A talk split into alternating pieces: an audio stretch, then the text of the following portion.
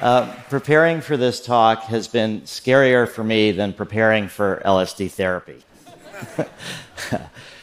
Psychedelics are to the study of the mind what the microscope is to biology and the telescope is to astronomy.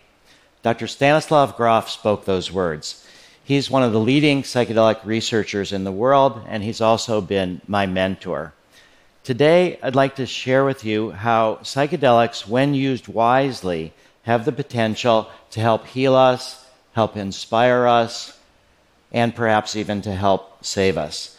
In the 1950s and 60s, psychedelic research flourished all over the world and showed great promise for the fields of psychiatry, psychology and psychotherapy, neuroscience, and the study of mystical experiences. But psychedelics leaked out of the research settings and began to be used by the counterculture and by the anti Vietnam War movement. And there was unwise use. And so there was a backlash. And in 1970, the US government criminalized all uses of psychedelics, and they began shutting down all psychedelic research. And this ban spread all over the world and lasted for decades, and it was tragic, since psychedelics are really just tools, and whether their outcomes are beneficial or harmful depend on how they're used. Psychedelic means mind manifesting, and it relates to drugs like LSD, psilocybin, mescaline, iboga, and other drugs. When I was 18 years old, I was a college freshman. I was experimenting with LSD and mescaline, and these experiences brought me in touch with my emotions. And they helped me have a spiritual connection that, unfortunately, my bar mitzvah did not produce. uh, when I wanted to tease my parents, I would tell them that they drove me to psychedelics because my bar mitzvah had failed to turn me into a man. but most importantly, psychedelics gave me this feeling of our shared humanity, of our unity with all life. And other people reported that same thing as well. And I felt that these experiences had the potential to help be an antidote to tribalism, to fundamentalism, to genocide and environmental destruction. And so I decided to focus my life on changing the laws and becoming a legal psychedelic psychotherapist.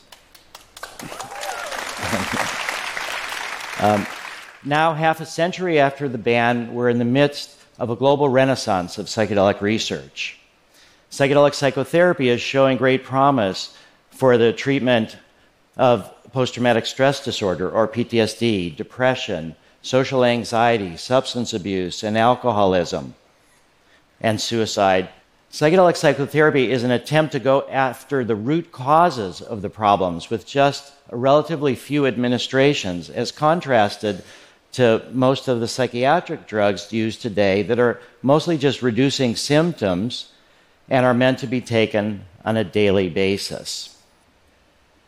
Psychedelics are now also being used as tools for neuroscience to study brain function and to study the enduring mystery of human consciousness. And psychedelics and the mystical experiences they produce are being explored for their connections between meditation and mindfulness, including a paper just recently published about lifelong Zen meditators taking psilocybin in the midst of a meditation retreat and showing long term benefits and brain changes. Now, how do these drugs work? Modern neuroscience research has demonstrated that psychedelics reduce activity in what's known as the brain's default mode network. This is where we create our sense of self. It's our equivalent to the ego, and it filters all incoming information according to our personal needs and priorities. When activity is reduced in the default mode network, our ego shifts from the foreground to the background, and we see that it's just part of a larger field of awareness. It's similar to the shift that Copernicus and Galileo were able to produce in humanity using the telescope to show that the Earth was no longer the center of the universe, but was actually something that revolved around the sun, something bigger than itself. For some people, this shift in awareness is the most important and among the most important experiences of their lives. They feel more connected to the world bigger than themselves. They feel more altruistic, and they lose some of their fear of death. Not all drugs work this way. MDMA, also known as ecstasy or Molly, works fundamentally different. And I'll be able to share with you the story of Marcella, who suffered from post traumatic stress disorder from a violent sexual assault. Marcella and I were introduced in 1984 when MDMA was still legal, but it was beginning also to leak out of therapeutic circles. Marcella had tried MDMA in a recreational setting, and during that, her past trauma flooded her awareness and it intensified her suicidal feelings. During our first conversation, I shared that when MDMA was, is taken therapeutically, it can reduce the fear of difficult emotions and she could help move forward past her trauma. I asked her to promise not to commit suicide if we were to work together, and she agreed and made that promise. During her therapeutic sessions, Marcella was able to process her trauma more fluidly, more easily, and yet she was able to tell that the rapist had told her that if she ever shared her story, he would kill her. And she realized that that was keeping her a prisoner in her own mind. And so being able to share the story and experience the feelings and the thoughts in her mind freed her. And she was able to decide that she wanted to move forward with her life. And in that moment, I realized that MDMA could be very effective for treating PTSD. Now, 35 years later, after Marcella's treatment, she's actually a therapist training other therapists to help people overcome PTSD with MDMA. Now, how does MDMA work? How did MDMA help Marcella? People who have PTSD have brains that are different from those of us who don't have PTSD. They have a hyperactive amygdala where we process fear. They have reduced activity in the prefrontal cortex where we think logically. And they have reduced activity in the hippocampus where we store memories into long term storage. MDMA changes the brain in the opposite way. MDMA reduces activity in the amygdala, increases activity in the frontal cortex, and increases connectivity between the amygdala and the hippocampus to permit traumatic memories to move into long term storage. Recently, researchers at Johns Hopkins published a paper in Nature in which they demonstrated that MDMA releases oxytocin, the hormone of love, and nurturing. These same researchers also did studies in octopuses, who are normally asocial unless it's mating season. But lo and behold, you give them MDMA and they become pro social. um, several months after Marcella and I worked together, the Drug Enforcement Administration moved to criminalize ecstasy, having no knowledge of its therapeutic use. So I went to Washington and I went into the headquarters of the Drug Enforcement Administration and I filed a lawsuit demanding a hearing at which psychiatrists and psychotherapists would be able to present information about therapeutic use of MDMA to try to keep it legal. And in the middle of the hearing, the DEA freaked out, declared an emergency, and criminalized all uses of MDMA. And so the only way that I could see to bring it back was through science, through medicine, and through the FDA drug development process. So in 1986, I started MAPS as a nonprofit psychedelic pharmaceutical company. It took us 30 years till 2016 to develop the data that we needed to present to FDA to request permission to move into the large scale phase three studies that are required to prove safety and efficacy before you get approval for prescription use. Tony was a veteran in one of our pilot studies. According to the Veterans Administration, there's over a million veterans now disabled with PTSD. And at least 20 veterans a day are committing suicide, many of them from PTSD. The treatment that Tony was to receive was three and a half months long, but during that period of time, he would only get MDMA on three occasions separated by 12 90 minute non drug psychotherapy sessions, three before the first MDMA session for preparation and three after each MDMA session for integration. We call our treatment approach inner directed therapy, in that we support the patient to experience whatever is emerging within their minds or their bodies. Even with MDMA, this is hard work. And a lot of our subjects have said, I don't know why they call this ecstasy. uh, during Tony's first MDMA session, he lay on the couch, he had eye shades on, he listened to music, and he would speak to the therapists, who were a male female co therapy team, whenever he felt that he needed to.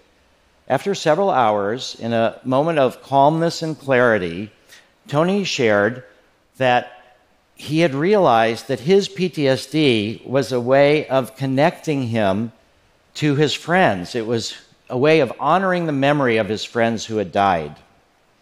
But he was able to shift and see himself through the eyes of his dead friends. And he realized that they would not want him to suffer, to squander his life. They would want him to live more fully, which they were unable to do. And so he realized that there was a new way to honor their memory, which was to live as fully as possible he also realized that he was telling himself a story that he was taking opiates for pain, but actually he realized he was taking them for escape. And so he decided he didn't need the opiates anymore, he didn't need the MDMA anymore, and he was dropping out of the study. That was seven years ago. Tony is still free of PTSD, has never returned to opiates, and is helping others less fortunate than himself in Cambodia.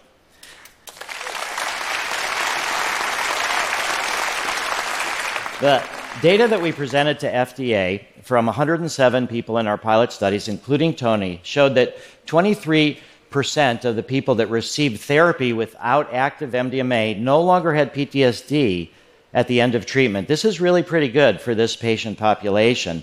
However, when you add MDMA, the results more than double to 56% no longer having PTSD. But But most importantly, once people learn that if they don't need to suppress their trauma, but they can process it, they keep getting better on their own. So at the 12 month follow up, one year after the last treatment session, two thirds no longer have PTSD. And of the one third that do, many have clinically significant reductions in symptoms. Um, on the basis of this data, the FDA has declared MDMA assisted psychotherapy for PTSD a breakthrough therapy. FDA has also declared psilocybin a breakthrough therapy for treatment resistant depression and just recently approved esketamine for depression.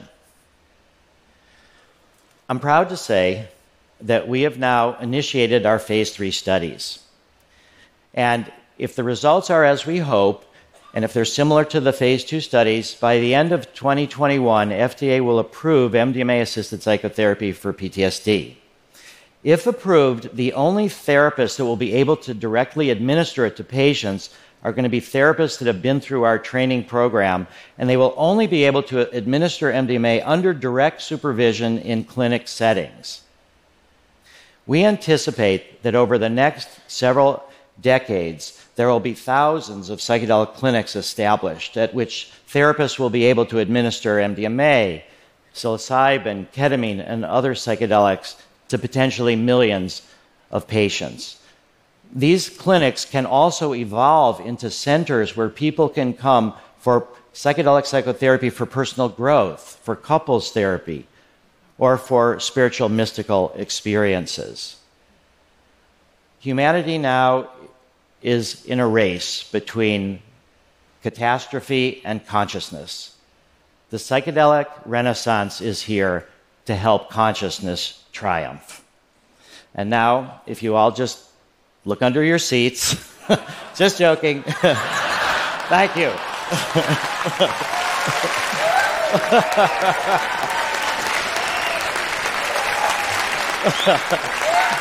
Thank you. Well, Wow. Thank you. Well, you gotta stay after oh, for a minute. Oh, okay. Thank you so much, Rick. I guess it's a supportive audience. Yes, very. Um, They've not. You, many of them have also been to Burning Man. yeah, I guess so. There's some synergy.